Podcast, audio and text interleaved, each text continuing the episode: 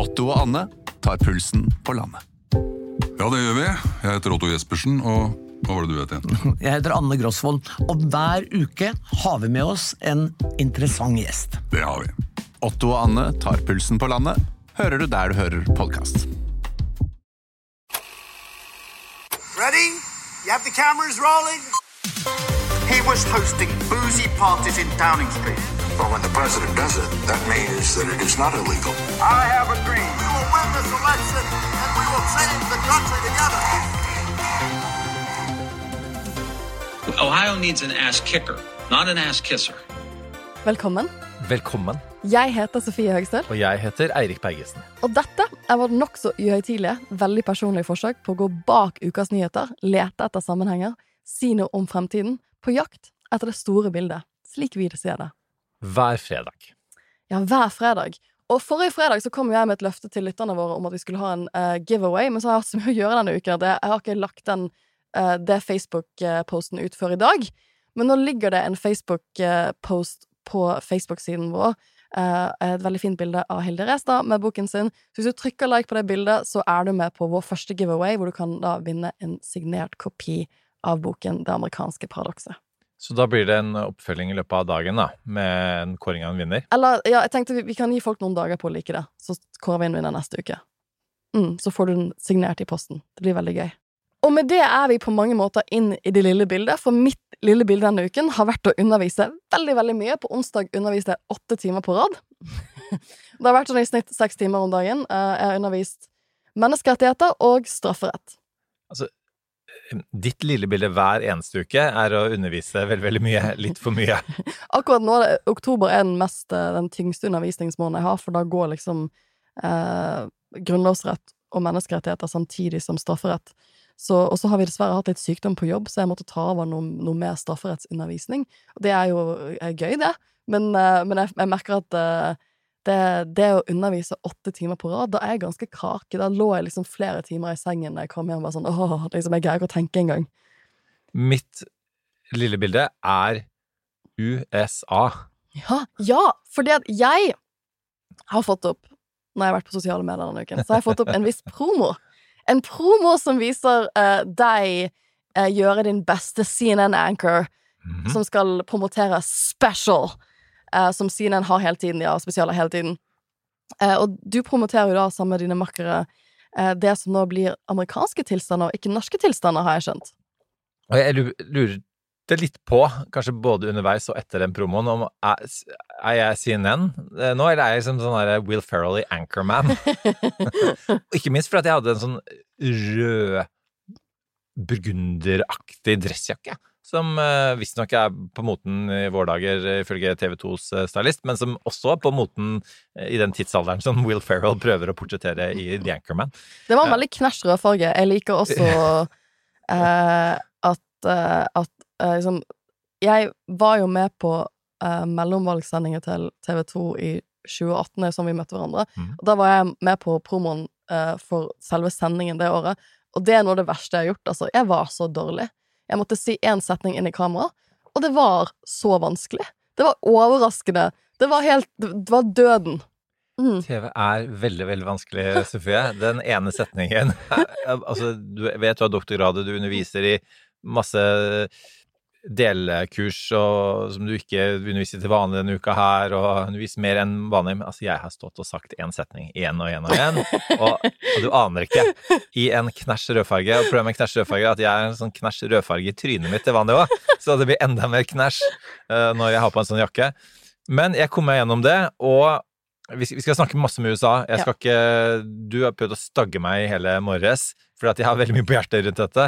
Ja, for du har gjort et sånn skikkelig dypdykk inn i mellomvalget nå. Vi skal komme til det, for dere har jo hatt det første Jeg hadde den første episoden av programmet i går, så vi skal komme tilbake til det.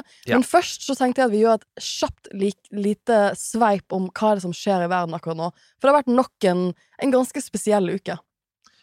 Ja, altså på, en måte så er det For det var det du kom inn i studio med i dag morges, sammen med for øvrig med en svær trillekoffert, for du skal på Venstres Skal på landsmøte, landsmøte i helgen. Årets vakreste eventyr. som-. Det ser ut som du skal på, eh, til Syden i en måned. Så mye skifte av tøy. Ja, sånn som skjer når man hastpakker om morgenen. kanskje ikke så mye skifte av meninger. Eller jo, det er jo Venstres landsmøte. Det er Venstres så litt, landsmøte, er eh, litt fram og tilbake til den ene og den andre siden blir det nok.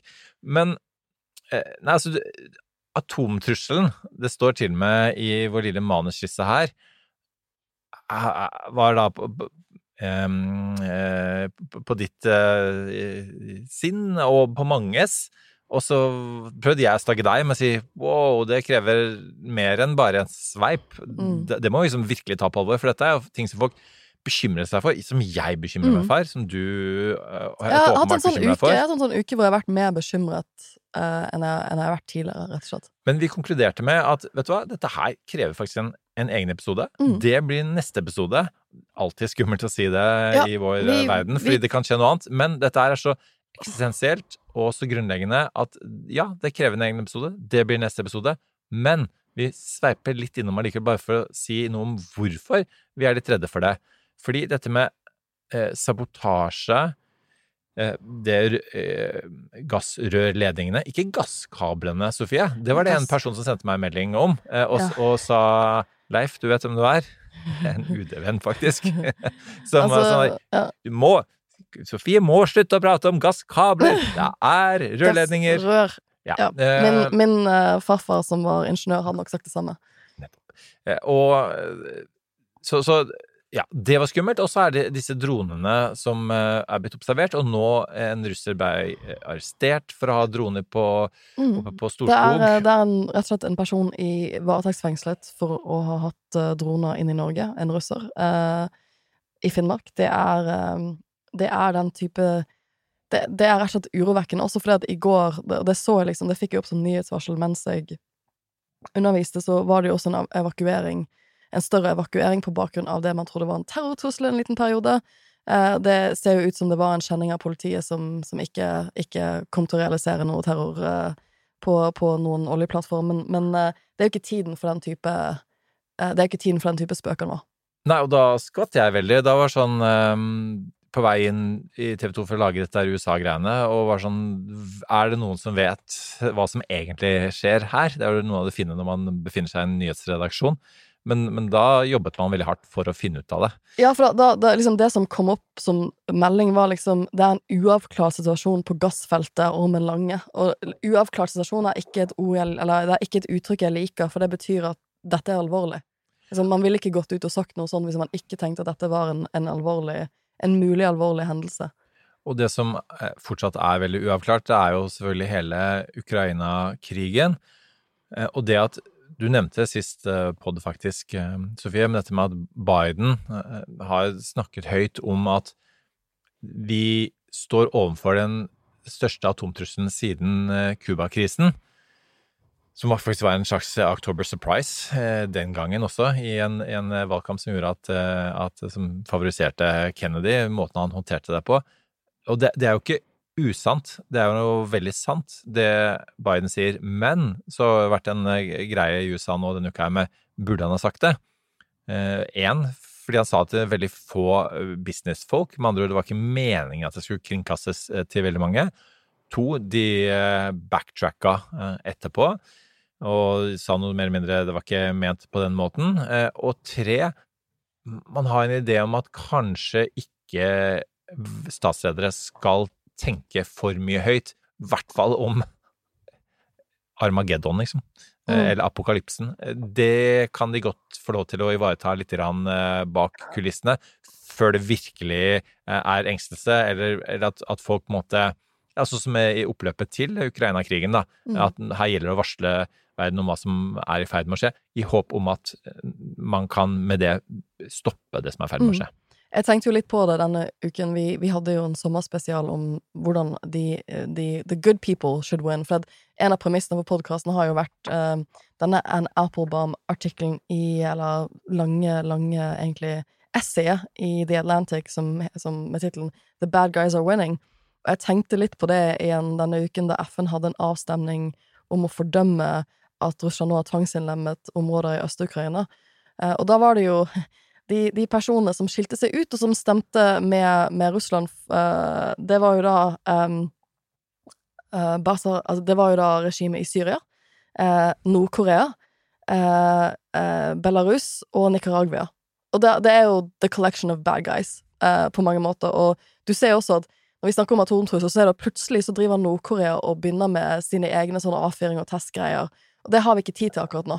Men de gjør jo det fordi at verden er eh, De ser jo eh, Kim Jong-un ser jo at verden akkurat nå er veldig eh, er urolig nok, og da har han kanskje sterkere eh, kort på hånd for å få forhandlet noe av de tingene han ønsker, hvis han nok en gang begynner å teste ikke sant? Begynner å teste missiler videre. Det var jeg har jo sett eksperter på TV denne uken som sier at det han gjør nå, virker som det kan være en opptrapping til en, rett og slett en, en mer ordentlig atomtest. Og det er ikke ehm, det er ikke det verden trenger akkurat nå. Uh, ting er urolig nok som det er. Jeg syns jo for så vidt det var litt interessant at Kina avsto fra å stemme uh, for å fordømme eller ikke. uh, men Men eh, ja, nei, det, det er veldig mye som skjer i verden akkurat nå. Eh, og vi, vi må snakke mer om, liksom, om, om trusselnivået i en konkret episode. Eh, det, det som er litt sånn mors... Altså, en, en, ikke morsomt. Det andre som har skjedd denne uken, er jo at Liz Ja, for morsomt er et ord vi bruker veldig sjeldent om ah, verdenspolitikken om dagen, det- Sofie. Veldig, veldig Selv eksperter på TV, som du nevnte i stad, som vel vi tilhører den kategorien. Ja. Jeg, for jeg, jeg møtte en eh, fan av podkasten som var litt kan, altså, liksom, kan dere gjøre en spesialepisode om Liz Truss? Dette var for noen uker siden. Så var jeg sånn Ja, det må vi gjøre. Det må vi få tid til. Det må vi finne, må vi finne ut av. Og så har jo så mye skjedd i verden at vi har ikke fått tid til å dedikere en spesialepisode til hennes nye regjering. Men jeg føler at vi må nevne denne re at, Ja, hun er statsminister, hun regjerer. Jeg, jeg følte vi måtte nevne det i dag. Fordi det går så ekstremt dårlig at det er en viss sjanse for at hun ikke er statsminister i, i Storbritannia ut året. Vet, altså, jeg, jeg kan liksom ikke se for meg at de kaster henne eh, og, og sitter i en situasjon hvor de har hatt tre forskjellige statsministre på et år. Liksom det, liksom, det kan jeg ikke helt det, kan, det, det er så utenkelig for meg. Men vår storebror-pod, uh, The Rest Is Politics, uh, kjørte jo rett og slett en eh, spesialepisode forrige uke etter at uh, Det konservative partiet hadde hatt landsmøtet sitt. For um, han ene, Rory Stewart, som jo har vært, var, var en kandidat selv til å bli leder for Det konservative partiet for en stund tilbake, han, han mener jo rett og slett at nå at partiet bare revner internt. Og det, det jeg er så liksom, interessant med dette her, er at Liz Truss har jo Vi diskuterte jo litt i poden at hun kommer med disse fryktelig populistiske løftene sine om at uh, om at liksom Å, jeg skal, jeg skal kutte skatt, jeg skal gjøre sånn og sånn og sånn. Så tenkte vi dette kan hun jo ikke gjøre. Økonomien, det økonomiske For det er det andre som har skjedd denne uken. Vi har fått masse nye, ganske sure økonomiske prognoser om at prisstigningen øker. ikke sant? Rentene må antageligvis fortsette å gå opp, og så videre. Um, og da, og da har man tenkt ja, hun kan jo ikke egentlig levere på disse skatteløftene sine om å kutte skatt i den stasjonen man er i nå. Det visste alle. Det visste alle, ikke sant? Men så gjorde hun det allikevel. Eh, og det er litt sånn interessant, for som The Rest is Politics har vært litt inne på, det virker jo som om de bare tenker at dette kommer markedene egentlig til å elske. Alle disse ekspertene sier at nei, nei, nei, dette blir bare katastrofe. Men markedene kom, vil jo egentlig ha Dette vil jo egentlig finanssektoren ha, og liksom egentlig de rike ha. Dette kommer til å bli kjempefint. Og så har de da prøvd dette minibudsjettet sitt, som de har kalt det, og det har jo bare vært verdens største flopp, som de nå har måttet snu på. Fordi at den britiske punden, som jeg har vært kort innom på podden, har jo bare falt som en stein. Eh, IMF eh, har vært ute og kjeftet på de. Eh, britiske eh, sentralbanken har vært, eh, har vært i krise. Eh, og, nå, og, og nå er det liksom hun Det som har vært liksom nyheten denne uken, er at det britiske kongehuset av litt uante grunner har logget ut en liten videosnutt av at hun møter king Charles, for du møter jo kongen en gang i uken for å, si, for å snakke litt og konsultere og sånne ting. Og da, eh, når han møter henne, så sier han sånn oh, 'It's a pleasure', og så sier hun eh, hun sier sånn 'Your Majesty, lovely to see you again', og så sier kongen 'Back again, dear oh dear, anyway'. Og det er liksom, Hvorfor har de lagt ut dette i klippet? Men det oppsummerer jo litt sånn, til og med kongen er litt sånn ja ja, dette går jo veldig, veldig dårlig. Det er nå vi skulle hatt eh, britisk kongeekspert Trond Norén Isaksen tilbake i studio, bare for å spørre han om det. Men eh, Ja. kanskje blir den, eh, denne sesongen av The Crown litt spennende allikevel. Sånn perfekt eh, konge- Ja. og eh, politikkstoff. Og det er jo nyvalg, det, det ble jo utskrevet nyvalg i Danmark, det er veldig spennende.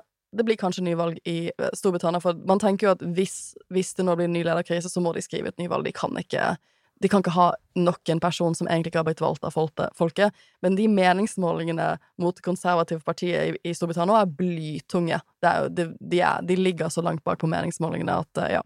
Så det er jo litt sånn, som noen skrev på Twitter uh, den seansen mellom Liz Truss og kongen er sånn political awkwardness and unintentional comedy at its finest. Så det var dagens lysglimt. Det er bare å, å se den lille snutten.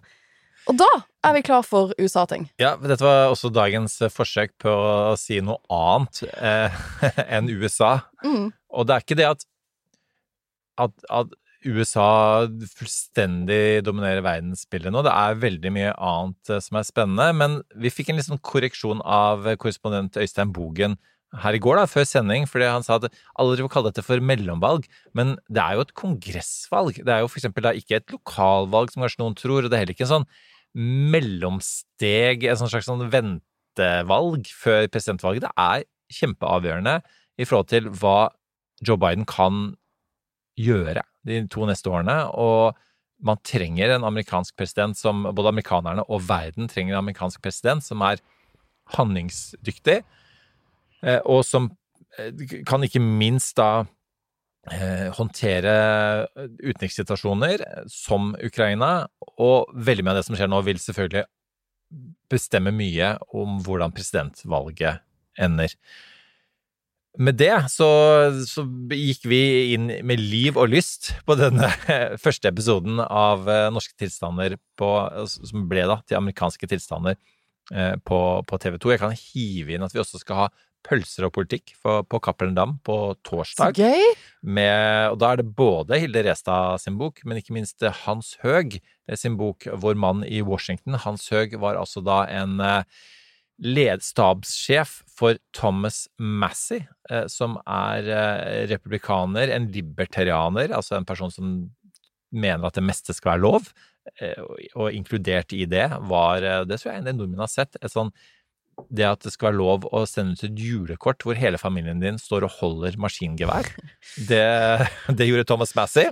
Det er en av de tingene jeg gleder meg for jeg skal bokbade han. Gleder meg til å spørre han om kanskje det var litt over the top. Og, og, og, han er altså Hans Høeg, som da studerte på MIT med Thomas Massey og ikke hadde noe politisk erfaring, ble da håndplukket til å være hans kabinettsjef, og forteller nå i ettertid historien om hvordan det var å på en måte møte amerikansk politikk, amerikanske kongressen, og det er en ganske heftig kiss and tell. Det høres jo veldig spennende ut. Når, når er dette? Torsdag. Torsdag er det åpen for alle? Klokken syv. Åpen for alle. Cappelen Dam. Det vi gjorde i kongressvalget, eh, spesial på eh, amerikanske tilstander på TV 2, det var på en måte først bare begynne litt med å si liksom, hva er dette for noe? Og jeg vet vi gjorde det før på vår mellomvalg Mania, men altså bare en kort oppsummering. Det er jo da eh, Kongressen eh, og de to husene der, altså Representantenes hus, eh, hvor alle setene eh, skal byttes ut, og Senatet, hvor en tredjedel 34 av 100 seter skal byttes ut. Og så er det noe ja, 36 guvernører, tusenvis av delstatslovgivere stiller også til valg. Og per nå så ligger det altså an til at demokratene holder Senatet, men det kan Små utslag kan bety mye, og at republikanerne vinner Representantenes hus. Det er den korte oppsummeringen. Og så er dette antageligvis en såkalt Asterix-valg, i den forstand at vanligvis så vinner nesten alltid opposisjonen. Det har vært 40 mellomvalg siden 1862, og der har presidentens parti mistet seter i Representantens hus 36 ganger. Så med andre ord, det skjer nesten alltid. Og nå går økonomien dårlig. Siste konsumprisindeks var, var dårlig nytt for Biden, og økonomien kommer ikke til å endre seg noe særlig på den måneden som gjenstår. Det er altså da fire uker til valget. Nå er det siste innspurt. Det er siste innspurt, så, så, det er på en måte det er disse tallene eh, som kommer til å avgjøre valget. Men det er ikke bare The Economy stupid denne gangen, fordi at abort har vært det store saken siden før sommeren, mm. og, og, er fortsatt det. Og så, så er det også selvfølgelig, som det alltid er, en folkeavstemning egentlig om ja, hvor godt presidenten har gjort det og ikke. Og, og der er det noen åpenbare plusser og minuser. Ja, jeg syns jo det var litt interessant, for det at Bernie Sanders eh, skrev jo en kronikk denne uken i The Guardian, eh, og han Og tittelen på kronikken var 'Democrats shouldn't focus only on abortion in the midterms. That's a mistake'. Eh, og det er jo, Han vil jo at uh, demokratene i større grad skal gå på økonomiske saker. Eh, og det handler jo nok litt om at Bernie Sanders er jo eh, I norsk kontekst, eller en europeisk kontekst, så ville han jo vært en, en god sosialdemokrat. Han, han, han har jo gått inn i politikken fordi at det er økonomiske saker, ulikhetssaker, som han bryr seg om. Det er hans kampsak. Det har vært hele livet hans. Eh, og, så det er jo ikke for så vidt overraskende. Han, han ønsker en mer det han kaller for en pro-worker agenda. Han vil ha et tydeligere fokus på arbeidsrettigheter, på den vanlige arbeideren i USA og, og deres lommebok. Eh, hva syns du, syns du at, eh, at, at han eh, Jeg tror ikke det er det at han ikke har lyst til at de skal snakke om abort, men at han mener at de må komme litt mer på banen igjen på økonomiske saker. Ja, du kalte han en god sosialdemokrat. Jeg husker Frank Rossavik en gang i Aftenposten kalte han for USAs Erling Folkvår. altså den gamle Rødt-nestoren. For, på- en del ting så er han jo godt til venstre for sosialdemokratiet. Sikkert. Ja, jeg, jeg vil ikke si at jeg er den beste til å klassifisere folk på venstresiden. Og jeg har bare lyst til å legge til, i og med at vi først er inne på Bernie Sanders, eh, at mitt nye nyhetsmedium, TikTok hvor- Ja, for du har vært på TikTok denne uken Jeg har vært på TikTok. Jeg sitter har sittet og lurt på nå, hvordan skal jeg klare å veve inn at jeg har vært på TikTok. Eh, Nå er jeg der. Fordi Bernie, da jeg begynte å utforske litt TikTok her for et par uker siden, eh, i den tro at jeg skulle bruke det ganske aktivt ved USA-valget, så, så noe av det første som dukka opp, var Bernie på TikTok, og da intervjuer han eh, den norske ambassadøren eh, i Washington, og spør henne om Kult! Det, ja, veldig kult, faktisk. Og spør henne om hvordan, ja, hvordan er det egentlig ja, det er i Norge med eh, helseforsikring og eh, arbeidsledighetstrygd osv. Og, så og så blir han jo um, himmelfallen over liksom Mhm. hvor uh, disse norske ordningene, som han sikkert visste på forhånd, så han spiller litt sånn eh, med her, da. Det var jo derfor han ringte henne. Men hun også er veldig sånn tydelig på, og hun vet også hva hun er med på, eh, og, og, og, skryter av, eh, av norske ordninger, da. Eh, Og min lille TikTok da var at eh, Prebz, fra Dennis og Prebz, er nå engasjementsjournalist i TV 2, så han hjalp meg med å lage en litt sånn Ja, for du gjorde ikke dette alene. Det var en veldig fordomsfull måte å legge det fram på. Nei, jeg gjorde ikke dette alene. Det hadde ikke gått bra. Um, eh, Prebz var bak eh, kamera, men, men jeg skulle da på en måte lede an, da. eh, I sånn, vi hadde sånn ca. 20 minutter før sending, og på en måte skulle da egentlig beskrive litt det der sånn kaoset som er eh, eh, før, før en sending. Og jeg, jeg og det het Den røde eh, blazeren som jeg snakka om i begynnelsen av programmet, jeg lurte veldig på om jeg skulle ha på den, eller, eller en blå. Og så sier Prebz at det lar vi TikTok bestemme. Og så la han en sånn avstemning. Og så var det lenge på rødt. Og så var jeg litt ukomfortabel med det, men greit nok. Halvannet minutt før sending så sier han åh, eh, nå er det vippa. Nå er det 55% på blå. Og så shit, da må jeg- bytte, da. Um, for der jeg tror jeg TikTok-publikum er veldig knallharde på. det. ja, ja. Du må følge det de sier, liksom. Uh, og så så jeg begynte å bytte, og så hadde jeg vaktsjefen på øret. Så hun var sånn det er, Hei, Erik, det er ett minutt til sending. altså. Og så ja, Vent litt. Og så rundt, og så, så ble det blått. Så um, det var egentlig Bernie Sanders vi snakker om, og Ja. ikke Ja. um, meg på TikTok. Men Bernie, ja. Altså, jo, det er altså som alltid, da. Så det er, jo, det er jo ikke én sak som avgjør noen valg. Heller ikke i USA, selv om man snakker om Economy Stupid. Eh, Fordi det er alltid også noe annet. Eh, Og det er Og jeg tror hvis man på en måte glemmer, økonom, glemmer på en måte økonomien, så Mm. Og det, det var litt det Hillary også gjorde. For de hadde ikke, hun hadde Mm. ikke noen gode svar på økonomien eh, ved presidentvalget mot Trump. Så det var ikke, bare, det var ikke ren populisme som gjorde at Trump vant. Det var den kjensgjerningen at amerikanerne hadde fått det mye dårligere økonomisk, mm. som også avgjorde, og at Trump hadde jo ikke noen gode svar, men hadde noen gode spørsmål, hadde noen gode virkelighetsbeskrivelser, og det er jo det populister er eh, gode på. Så eh, ja, også, men, men det er også andre ting, da, og det er på en måte Biden har jo tross alt fått igjen veldig mye. Jeg snakka om plusser og minuser i stad. La meg ta bare en kjapp rekke av det. For at eh, det har blitt kalt uh, the wet hot democratic summer, faktisk. The wet hot Har du ikke hørt det, det blitt brukt? Nei. Nei? Du, du, har, du har sett serien Wet Hot American Summer? Ja. Ja. Som er sånn throwback til sånn 70-tallet som var, gikk på Netflix. Um, blandet serie. Broket serie. Um, men um, det handlet om at de gjennomførte veldig mye i vår og sommer.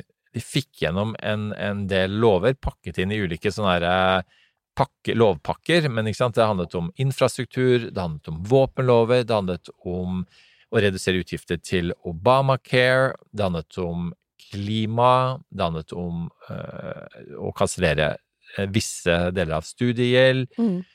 Vi har snakket om, om det her. Hasj? Ja, altså det, nå har det også handlet om at uh, folk ikke skal sitte i fengsel for, uh, Ja. for hasj. Du mente hasj, som i still? Nå må du være stille. Nei, vi er ikke, vi er ikke der ennå at jeg hysja på deg i podkasten, Eirik. Det hadde jeg aldri gjort. Jeg trodde det var sånn eh, amerikansk hysjing. Men eh, Jeg vet ikke om jeg sier ja, det riktig og, det, og det kom jo Det er mest marihuana, vel? Bare- Ja. Vi kan ikke så mye om sånne ting. Du ikke burde det kunne mye om dette. Du er jo liberaliseringspartiet Venstre. Legalize this. Vi skal snakke om dette på Venstres landsmøte. er det du som står For det er jo på engelsk. Hvorfor bruker dere legalize this istedenfor legalisere dette? Uh, det må vi spørre i Venstre. Jeg skal spørre Anne Breivik om det. Sporenstrek. Jeg tror de er uh, påvirket av deg. Og så kan du legge, også legge til at han fikk inn en eh, ung, svart eh, kvinnelig høyesterettsdommer, ung til å være høyesterettsdommer, som har, har begynt nå. Eh, og i 2021 så ble det skapt over 6,5 millioner jobber. Det er den største økningen for noen Mm. amerikansk president Mm. ever. I tillegg så har det som var veldig høye bensinpriser og inflasjon, gått lite grann ned. Og det tror jeg var helt avgjørende for at han, uh, Biden sine um, approval ratings, altså hvor mange amerikanere som syns han gjør en god jobb, begynte begynt å gå litt opp igjen. De begynte jo å gå opp igjen etter de prisene begynte å senke seg litt. Ja, og det gikk, gikk opp 5 siden i sommer, og det er ganske mye. Det er signifikant. Og, eh, altså, og, og, det, og det er jo sånn som vi har snakket om før, at veldig lite Det er, kommer til å være ganske lite endringer på meningsmålingene i de, av de siste to månedene. Det er sånn 2-3 Mm. med mindre October Surprise er veldig overraskende. Surprising. Ja. Så, men eh, jeg har også bare lyst til å nevne én ting, fordi som, som Biden sa denne uka her, for han ble intervjuet av Jake Tapper om dette med at han er gammel. Mm. Sånn, Og det anerkjenner Floyd Hahn, det anerkjenner eh, demokratene, og, og så er de selvfølgelig enda mer engstelige bak kulissene. Nesten det er liksom Hver gang han åpner munnen, så, mm. så er man liksom Hva kommer han til å finne på å si nå? Han sa her nettopp eh, Two words, I got two words for you. Made in America. Som da åpenbart ikke er to år.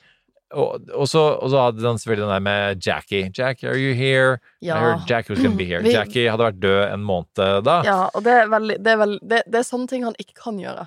Sånn, jeg tenker at en yngre kandidat Men han kommer til å gjøre, Og han og kommer, fortsette å han kommer til å gjøre det, men han, altså, det er helt drepende, for da blir det jo plutselig Jeg har jo sett eh, eh, Det blir jo diskusjoner til og med i Norge om han er tilregnelig når han gjør sånn, altså om han er i sine fulle fem. Og mitt svar på det da, er at eh, det er jo ikke, det er, det er ikke et tegn på demens. Nå er jo ikke jeg lege, men, men, men, det, er et tegn på at, men det er et tegn på at han er gammel. Ja. Eh, med mindre han liksom begynner med sånn herre Nelson Mandela, are you here? Heard Nelson's gonna be here. Mm. Straight out of prison. Altså et eller annet sånt. Da, da, da, da kollapser det korthuset ganske kjapt, og da blir det i hvert fall ikke et nytt eh, presidentvalg for han. Men han hadde ganske godt svar nemlig på, på det da Jake Tapper spurte nettopp om det. Jake Tapper fra CNN. Han sa bare at hei, jeg har levert de og de og de og de tingene, Mm. mer eller mindre den lista jeg leste opp i stad. Og det, mm, eh, og det den eh, The record speaks for itself, som det heter mm. i amerikansk politikk, og, og det har han visst rett i, da. Ja, det er interessant, for dette var vi jo inne eh, om med Hilde forrige uke på podden. For Hilde var jo også sånn, han har jo fått til, til ganske mye. Han har brukt disse siste månedene særlig til å få gjennom en del store pakker. Uh, infrastrukturpakken.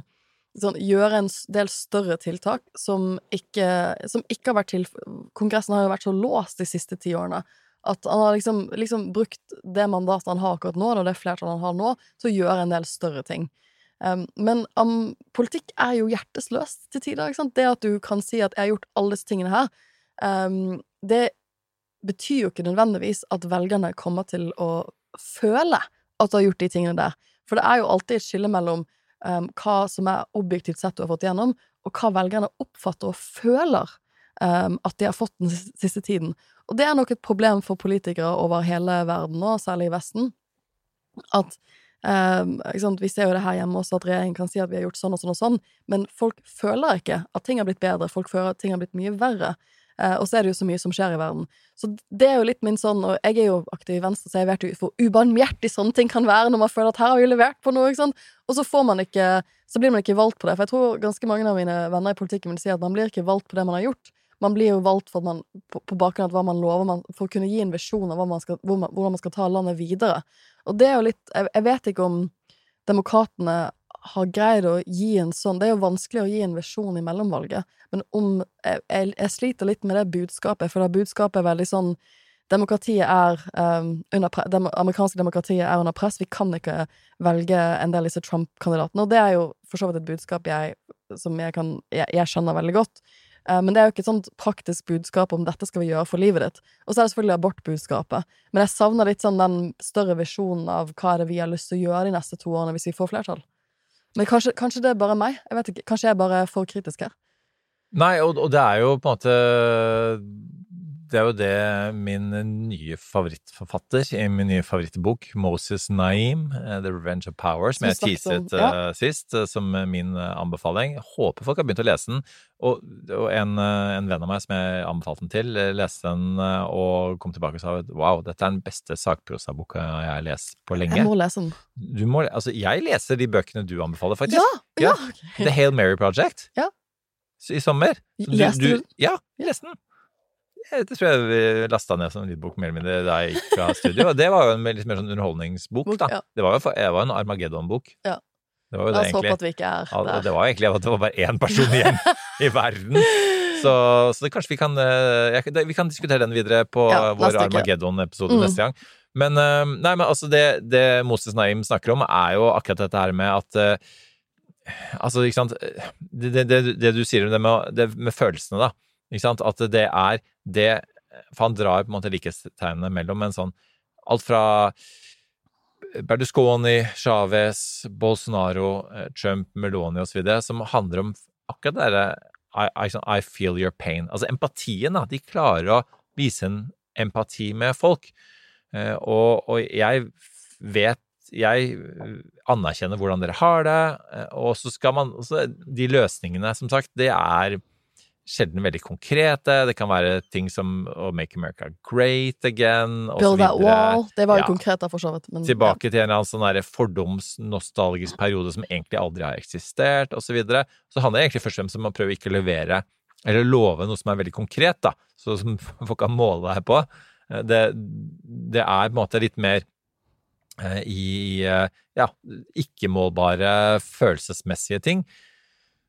Og Chavez hadde et TV-program som het eh, Allo Presidente, hvor han bare satt og hørte på folk, og så sa han at dette skal jeg gjøre noe med, og nikket og klemte folk og så videre.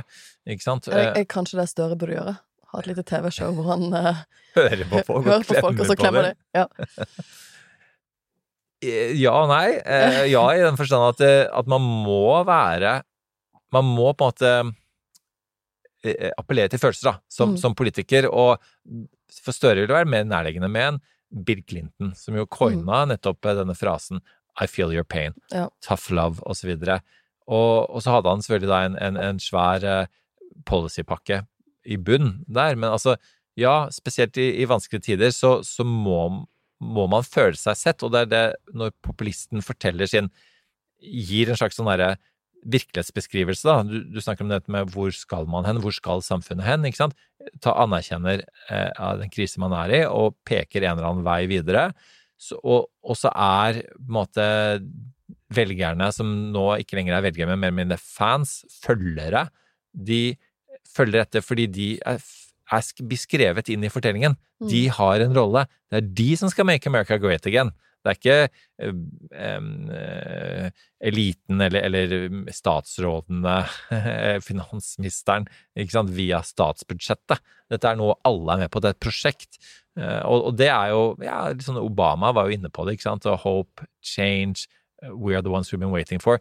Det er ikke så veldig mye mer konkret enn Make America Great Again. Det appellerer til følelser, eh, og det handler om at og det blir en del av din identitet, da, som, ikke bare som velger, men som, som menneske, til og med. Med det så tenkte jeg at vi kan eh, gå over i For du nevnte dette med kandidatene til Trump. Og Ja. her tror jeg til, til og med vi trenger en jingle. quiet, quiet, quiet. You are a rude, terrible person. Fordi Trump. jeg er forberedt, og da kan du, her, her, nå skal du få lov til å hive deg på. Okay. Um, men jeg, jeg kan ta, ta styringen. Fordi hvem er disse kandidatene som folk bør følge aller mest med? I hvilke stater er det de er? Og da har jeg forberedt en uh, lita eh, remse. Hvis vi begynner da med at uh, av 552 republikanske kongresskandidater, så har 201 eksplisitt tatt til orde for at valget var stjålet. Ytterligere 61 stiller kritiske spørsmål. 123 nekter eller unngår å svare på spørsmålet. Og så har bare 76 fullstendig akseptert valgresultatet.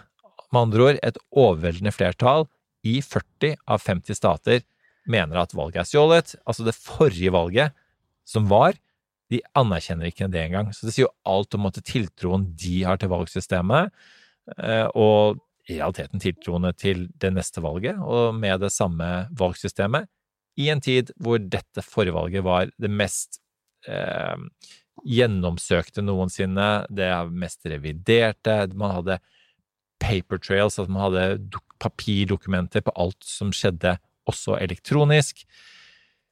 Det er på en måte utgangspunktet. Og så har da Trump valgt eh, å støtte en del kandidater, eh, og det er ikke bare som tilfeldige kandidater han støtter, han har promotert det selv. Så i da seks stater som republikanerne burde vunnet ganske greit, så har de altså gått for såkalte politiske noviser, valgt av Donald Trump. Da vil jeg holde fram noen. JD Vance skrev boka Hillbilly Elegy, eh, var en slags aksjemegler, investor. Eh, Han stiller til valg i, som senator i eh, Ohio. Du har TV-doktoren Mehmet Oz, som stiller til valg altså da, Nå snakker vi Senatet, i Pennsylvania. Han var helseekspert på Opera. Etter hvert hadde han 13 sesonger med Dr. Oz Show. En arena for høyst tvilsomme medisinske påstander om blant annet alternativ Gud, medisin. Ja. Han eh, står opp mot den eh, digre og tatoverte statsadvokaten tidligere, John Fetterman, som hadde en eh, digert eh, hjerteinfarkt. Ja, for det har vært interessant. For det, det er jo For det første så virker det for meg som om siste uken har det vært mye mer krisejournalistikk rundt Er han frisk igjen? Sant? Rundt hjerteinfarkt, rundt helsetilstanden hans. For han ledet jo han ledet jo eh, ganske komfortabelt sommer. Eh, virkelig. Jeg tror, han, jeg, tror han, jeg tror han hadde 12 prosentpoeng mer enn en motparten sin en periode. Det er jo veldig, veldig Altså, Pennsylvania er jo en vippestat. Det er jo en stat som for eksempel var helt avgjørende for Trump når han vant i 2016, og som var helt avgjørende for Biden da han vant i 2020. Og det at Biden vant tilbake staten i 2020, har gitt demokratene et håp om at her kan vi vinne igjen. Eh, og så ligger det jo ganske godt an i sommer. Han ligger fortsatt godt an, men nå, er, liksom, nå har gapet mellom de to tightened litt. Grann.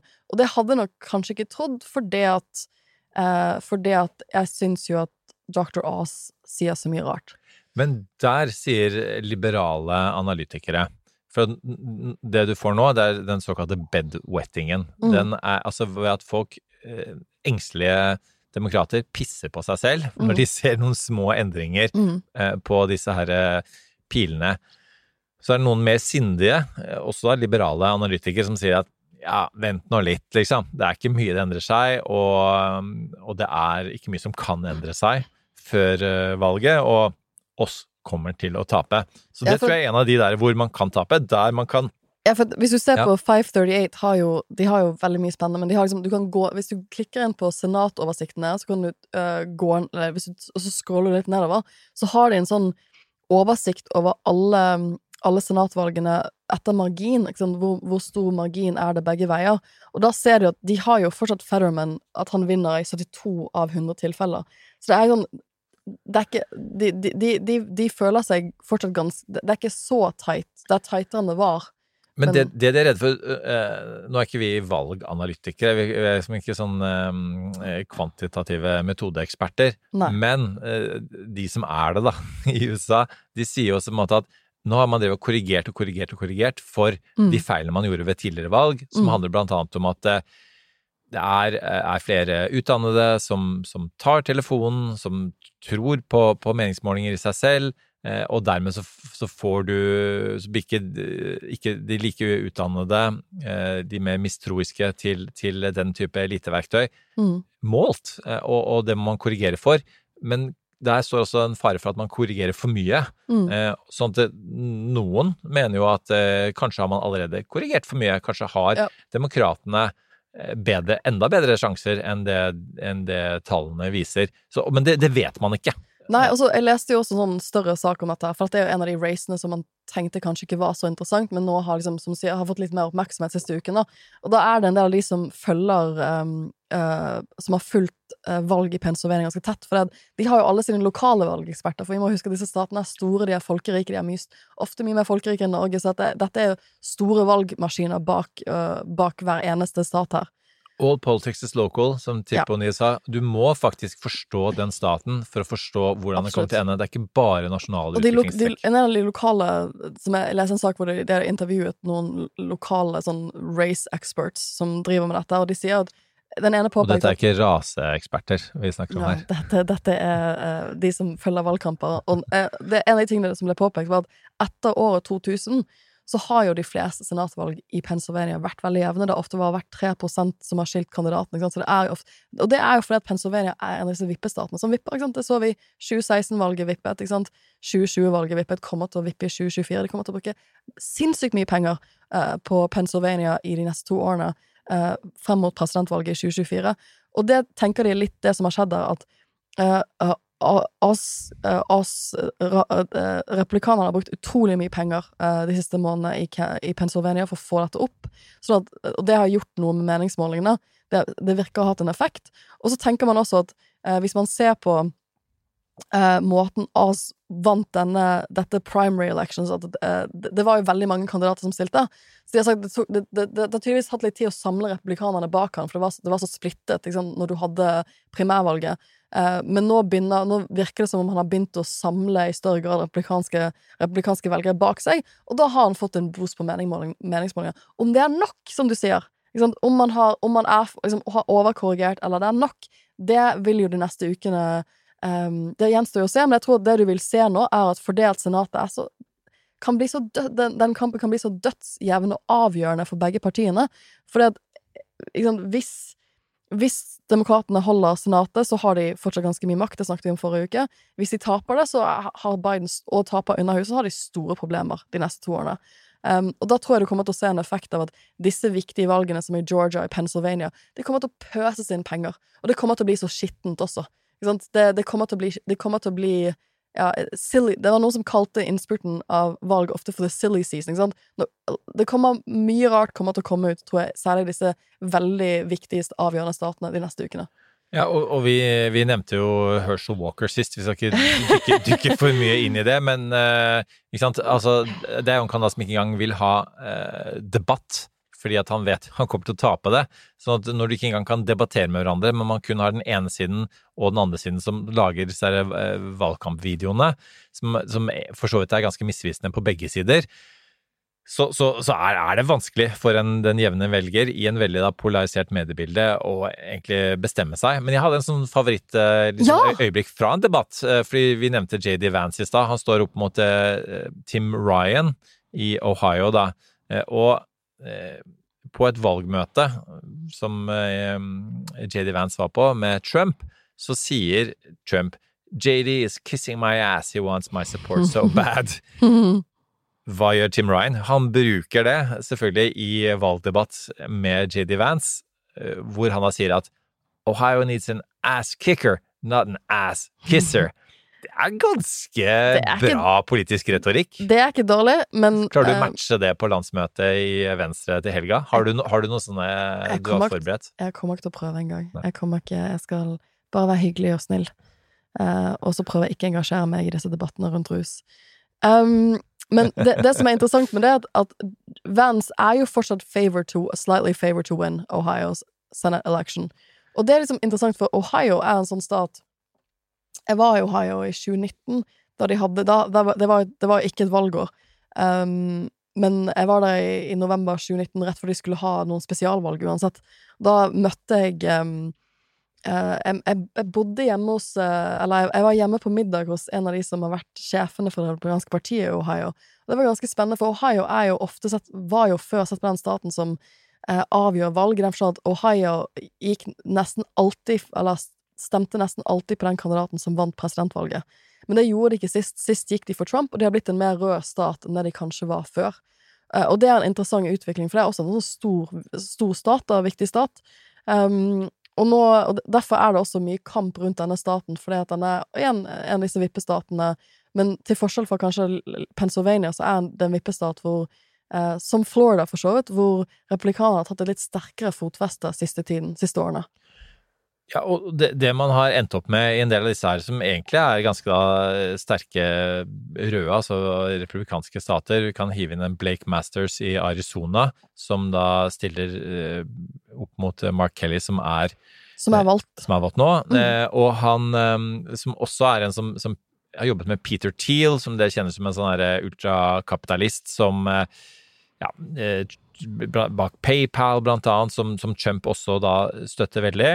Eh, altså dette er jo folk som er det, Man snakker om candidate quality. altså dette mm. er Vanligvis så, så, går man veien via lokalpolitikk, regionalpolitikk, og så blir man eh, kanskje først eh, kandidat til Representantenes hus, og så senator.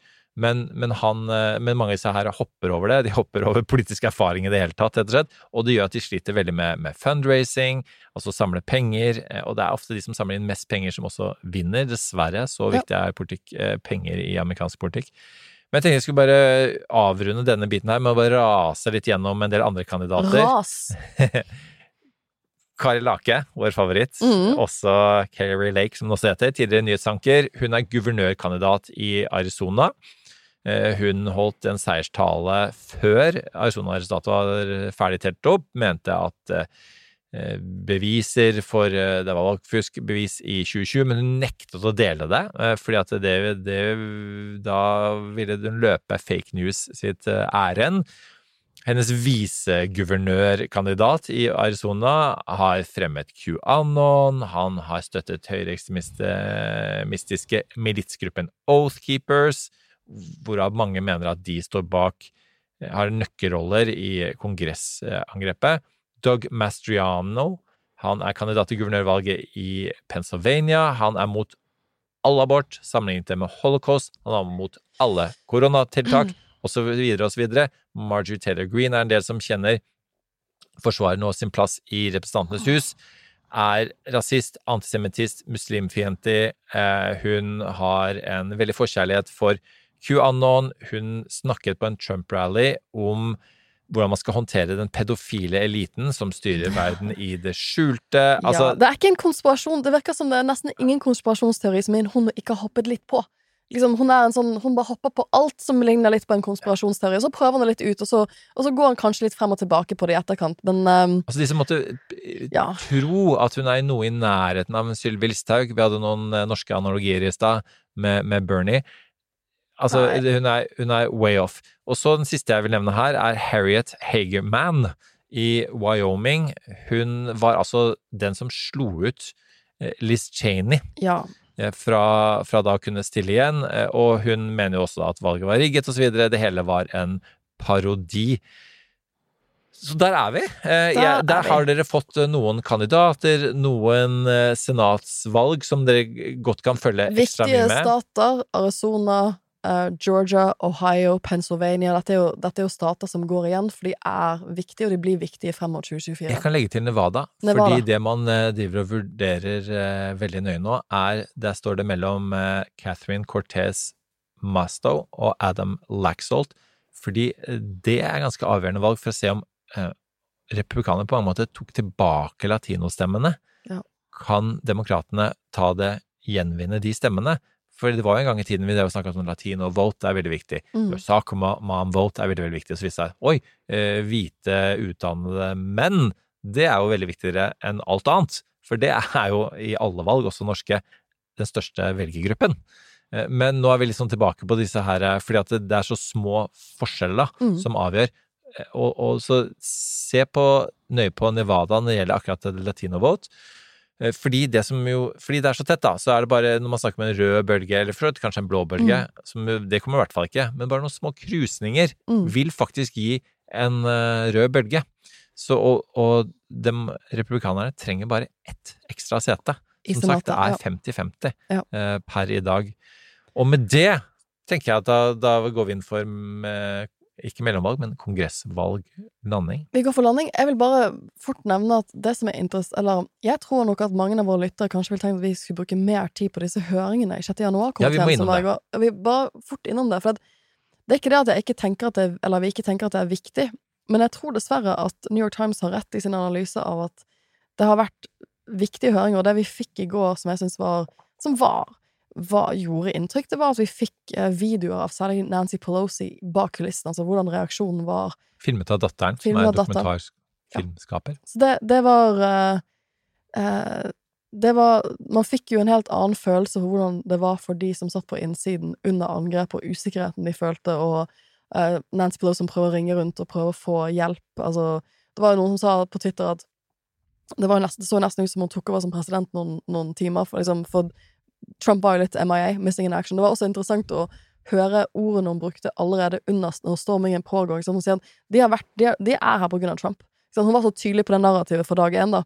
Det er ikke det at jeg ikke tenker at det er viktig, men det er nok dessverre litt slik at vi ser at selv om eh, 6. januar-komiteen har kommet med ganske mye viktig informasjon, så ser det ikke ut til å ha flyttet så mye polene når det kommer til eh, storming av Kongressen. Og det ser vi ikke minst i det at de har holdt på med dette arbeidet i det republikanske partiet fortsatt går for kandidater som ikke tror Altså som tror på den store løgnen, som, ikke, som tror at uh, valget var rigget, som ikke ønsker å anerkjenne 6. januar som en veldig uh, viktig eller skremmende hendelse i amerikansk politikk. Nei, fordi det, det som er skremmende, er jo at hvis du da tenker at valget er rigget, altså tenker at ett parti har stjålet valget Mm. via kontrollen på, på byråkratiet, på, Mm. på politiet, på domstolene, i og med at Mm. det har vært over 60 rettssaker som har blitt avgjørt eh, mot at valget er rigget, så, så, så er det en, en helt enorm konspirasjon som står bak, og selvfølgelig burde man jo da, i det minste man gjør, storme Kongressen. Mm. Eh, ikke sant? Så, så du, det er faktisk veldig vanskelig å skille de to tingene. Da er man egentlig for kongressstorming også, da. Men, mens man i realiteten i hvert fall prøver å unngå å snakke om kongressstorming, og vi gjør ingenting for å hjelpe eh, komiteen. Det, det Mm. vet vi en eh, del om. Eh, Så tenkte jeg at det som også jeg merket meg, da, var altså De har prøvd å stevne Donald Trump, da. Ja, for det tenkte vi kunne snakke bitt, Ja. bare, bare kort innom. Og det kommer jo, han kommer jo ikke til å vitne, og de rekker ikke å, å hente han inn. Men det er jo type sånn et signal man sender da.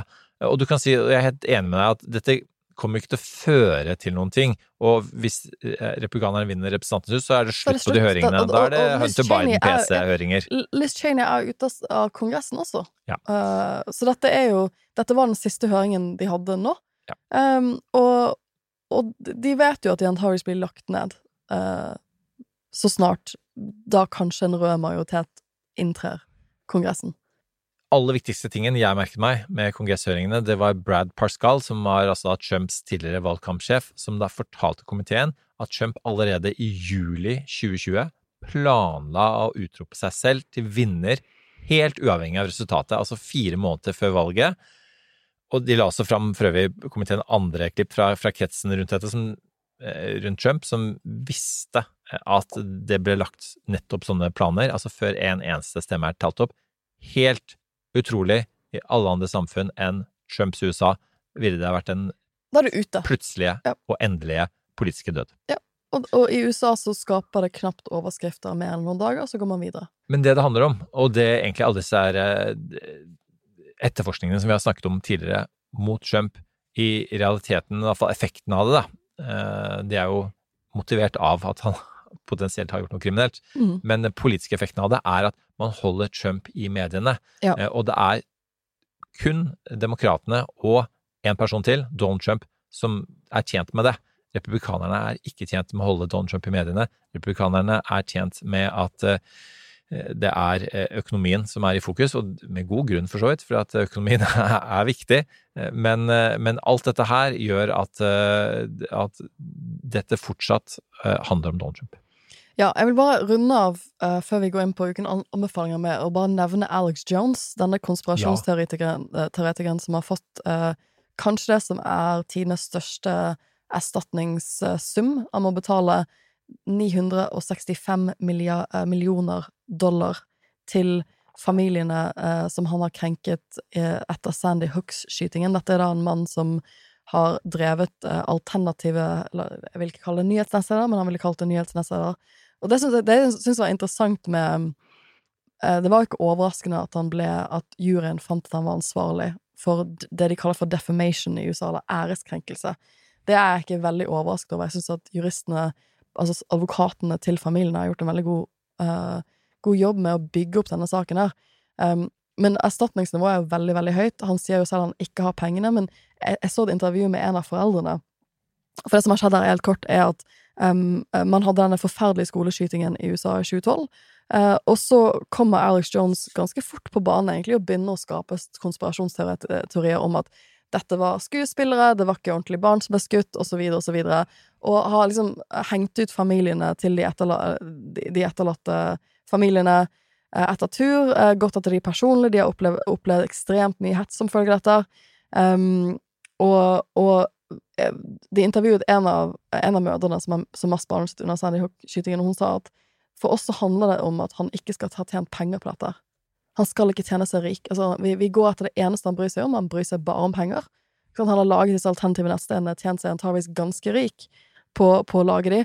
Vi, vi skal ta han der det gjør vondt, og det er for han penger. Eh, og han, nå prøver han å unnlate seg dette her ved å slå selv konkurs og gjøre en masse andre finurligheter. De kommer sikkert til å bruke masse år på en juridisk dragkamp på å få ut disse pengene, men det er prinsippet. Og det syns jeg er litt interessant, for at nå har du en person som har blitt eh, dømt i et sivilt søksmål for den type erstatningssum for konspirasjonsteorier. Jeg lurer veldig på om du kommer til å se en lignende type taktikk, da, eh, i andre typer konspirasjonssaker. Eh, og eh, Alex Jones har jo prøvd å gjøre dette til en stor ytringsfrihetssak. Jeg, jeg nevnte det, jeg gjorde ytringsfrihet med studentene mine denne uken. Og det eh, Ytringsfriheten står ekstremt sterkt i USA, um, men det har alltid vært et unntak for æreskrenkelser. Du kan ikke gå rundt og lyve ondsinnet om folk i, i pressen.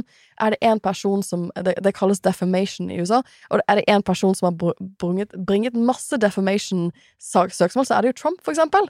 Dette er jo, dette er jo anerkjent unntak, eh, og det er en spennende måte å prøve å komme til, til, få bukt på en av disse konspirasjonsteoriene, og prøve å holde de som, som lager de, ansvarlig, da.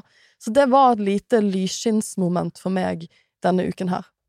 Imponert over at du ikke svingte innom ditt uh, musikalske, ikke politiske idol, Kanye West. Stakkars Kanye West. Eh, ja, nei. Det, det må vi nesten snakke om en annen gang. Og med det så går vi inn for ukens påkobling og avkobling. Sofie, hva er, eh, hva er din? Jeg Nå føler jeg at vi har hatt en, en episode som eh, promoterer TV2 ganske heavy, så beklager NRK. Eh, men mitt Hvorfor valg føler du et behov for å beklage overfor NRK? De har Jeg er fortsatt veldig De er glad i NRK. de er er- rikskringkaster, ja. eid av staten, de har masse penger. De har det. Um, nei, altså, jeg må si at jeg har falt for en TV-serie i høst som jeg ikke trodde jeg skulle falle for. Som jeg må være helt ærlig og si at når jeg så promoen, tenkte sånn, det der ser litt teit ut. Men jeg har falt for det, og det er Forrædere. Er du en forræder, Eirik? Um, Har du sett på det? jeg, jeg, jeg, jeg har sett to episoder. Du har sett to episoder. Jeg klarte ikke å Altså, liksom, den andre episoden så jeg etter at du sa at eh, Eirik, dette må du være med på. Ja! um, jeg er fortsatt ikke overbevist om det. I hvert fall er etter at min kollega Katrine Fossum ble sykmeldt etter å ha deltatt i programmet. Nei! Ja. Det har jeg ikke fått med meg. Jo, og, Nå må du ikke spoile noe for meg her. Nei, men det har vært i mediene, da. Ja. For øvrig. Men um, Nei, altså, jeg, jeg Vi spiller sånn mafia på hytta med ungene, og det er jo det det er basert på, er ikke det? Ja. Det er veldig, veldig slitsomt å Så gjøre. det, det er liksom, de har valgt ut 20 mer eller mindre kjente nordmenn, eh, og eh, satt de sammen på et, et, et sånn Mer eller mindre kjent passer perfekt for meg. um, og så skal de spille et spill hvor noen av de blir utvalget, utvalgt til å være foreldre. Uh, Deriblant vår, eh, eh, vår venn Katrine Fossum, som gjør en, hun gjør en kjempegod jobb jeg ser på litt på grunn av henne. Jeg syns det er veldig gøy å se henne på, for de andre vet ikke, vet ikke hvem som er foreldre, de skal prøve å gjette det, og så skal de stemme folk ut. Eh, og så langt så gjør foreldrene en veldig veldig god jobb, i det at de andre stakkars andre deltakerne de skjønner ikke hva som skjer. Og de stemmer hverandre ut. Og det, det, er, liksom, det sånn veldig sånn morsom sånn innblikk i menneskelig psykologi. Fordi at du, de, liksom, de går gjennom faser hvor de bare sånn hvor du bare ser folk bare sånn Nei, de har bare bestemt seg av sånn og sånn, så er denne personen denne, det, det må være the trader. Dette er Vi må stemme han ut. Og så liksom blir det masse sånn, og så stemmer og så, altså, De tar så feil, da. De tar så konsekvent feil. Så langt så tar de veldig veldig konsekvent feil. Jeg syns det er veldig gøy. Uh, jeg trodde ikke jeg skulle falle for det, men jeg falt, falt litt for det. Ja. Det synes ut som s- Arbeiderpartiet i forrige stortingsperiode. Eller kanskje i mange stortingsperioder. Så jeg syns at eh, Takk, TV 2. Takk for, for litt lettere underholdning denne høsten. Min anbefaling er eh, Jeg føler at jeg Eller at vi kanskje begge prøver å finne den type tips Mhm. før. Og det er eh, en som er både påkobling og avkobling samtidig. Mhm. Og det er Masterclass. Ja! Som er en, en nettside, en app, en tjeneste som handler om at uh, folk som er veldig, veldig flinke, eller eksperter da, på sitt område Ekspertbegrepet er noe man kaster veldig mye rundt seg, eh, og, men alle er ekspert på et eller annet. Eh, Og de som er ekspert på sitt eh, lille område, det er, eh, det er de som da dukker opp på masterclass. Og, og der har jeg da Altså, hvem har ikke lyst til å se en George Stephanopoulos snakke om politisk kommunikasjon? Den har jeg faktisk notert meg, men jeg syns det er veldig gøy at eksperten her anbefaler et ekspertnettsted Ja. for eksperter. Ja. det er sant. Ja. Men igjen, jeg eh, som ikke er ekspert på alt mulig rart, men mine småområder, og det vi jo prøver på her, er på å binde sammen mange små områder. Men altså, å bare ha noen som er, kan alt om ett felt, og da er det en Aaron Sorkin, hvordan skriver man eh, manus? Helt fantastisk. Og dette kommer du til å like å høre, tror jeg, du som er en litt sånn derre trash TV-fan. Nei! Jo, det, ja, det er sant. Det er sant. Your own words. Ja. Chris Jenner fra The Kardashians. Vet du hva, jeg, jeg har sett reklame for at hun har en masterclass. Jeg har litt lyst til å se den, men jeg har ikke gjort det ennå. Altså, jeg er, jeg er sånn, jeg er sånn fyr som liker å ta notater når jeg følger med på ting. Og jeg tar notater fra masterclasser. Tatt notater fra Chris Jenner. Jeg prøvde å finne de her nå før sending. Jeg klarte ikke å finne de. Det er sånn- gjemt et eller Er annet sted. sånn Chris Jenner teaches personal branding? Ja, det er det du, du teacher. Det, det underviser i personal branding. Mm. Og hva, hva er det engang? Liksom, men det handler om det der, å, være kjent for å være kjent. Og jeg Mm. så ikke på for å lære, for å, at, skal, at det er noe jeg skal bevege meg eh, videre Next inn i. Next season så Eirik på Forræder. Han Mer eller mindre kjente mennesker. en person som har gjennomgått en personlig branding-prosess på forhånd. Men en Sofie Elise, som er jo herostratisk berømt for å ha startet podkast i NRK. Ja. For at det har eh, den rikskringkasteren med så mye penger og Kanskje nå angrer på at jeg beklager beklaget for NRK. NRK. ja. Det er, de ser de seg tjent med. Men eh, de det er ganske fascinerende å høre henne bare prate om, om, om dette, hva det vil Mm. si, da. Eh, og det, hvis vi er grei med henne, så handler det litt om hvordan du lager en slags sånn derre sosiale realiteter-program, da, hvor man følger en familie og et familiedrama, da. Eh, og det, men hun har så, hun har så utrolig sånn eh, gjennomtenkte tanker på hvordan hun da i realiteten bygger Mm. det merkevaret, da. Å være en Kardashian. At det var fascinerende. Så og jeg, jeg hører på all, det er, Og det er kokker, og det er eh, det, er helt Det, er eh, sånne her meditasjonsfolk. Så jeg, jeg, jeg hører på alt og ser på alt dette her, jeg. Eh, og det er jo veldig, veldig fascinerende. Jeg har jo en sånn der throw everything at it and hope something sticks-strategi på å øke mitt kompetansenivå, og masterclass, helt perfekt for det. Eirik, jeg trodde aldri vi skulle komme dit at du, du ville anbefale en masterclass med Chris Jenner om personal branding. Jeg elsker det. Dette tok en vending som jeg ikke hadde trodd uh, da jeg så ditt utkast til manus for denne episoden. I love it. I love it. Uh, og, og da er det ikke så mye mer å si denne det uken. Det er ikke det. Det er ikke det. Ha en riktig god helg, folkens. Og en fortreffelig neste uke. That's enough. Put down the mic.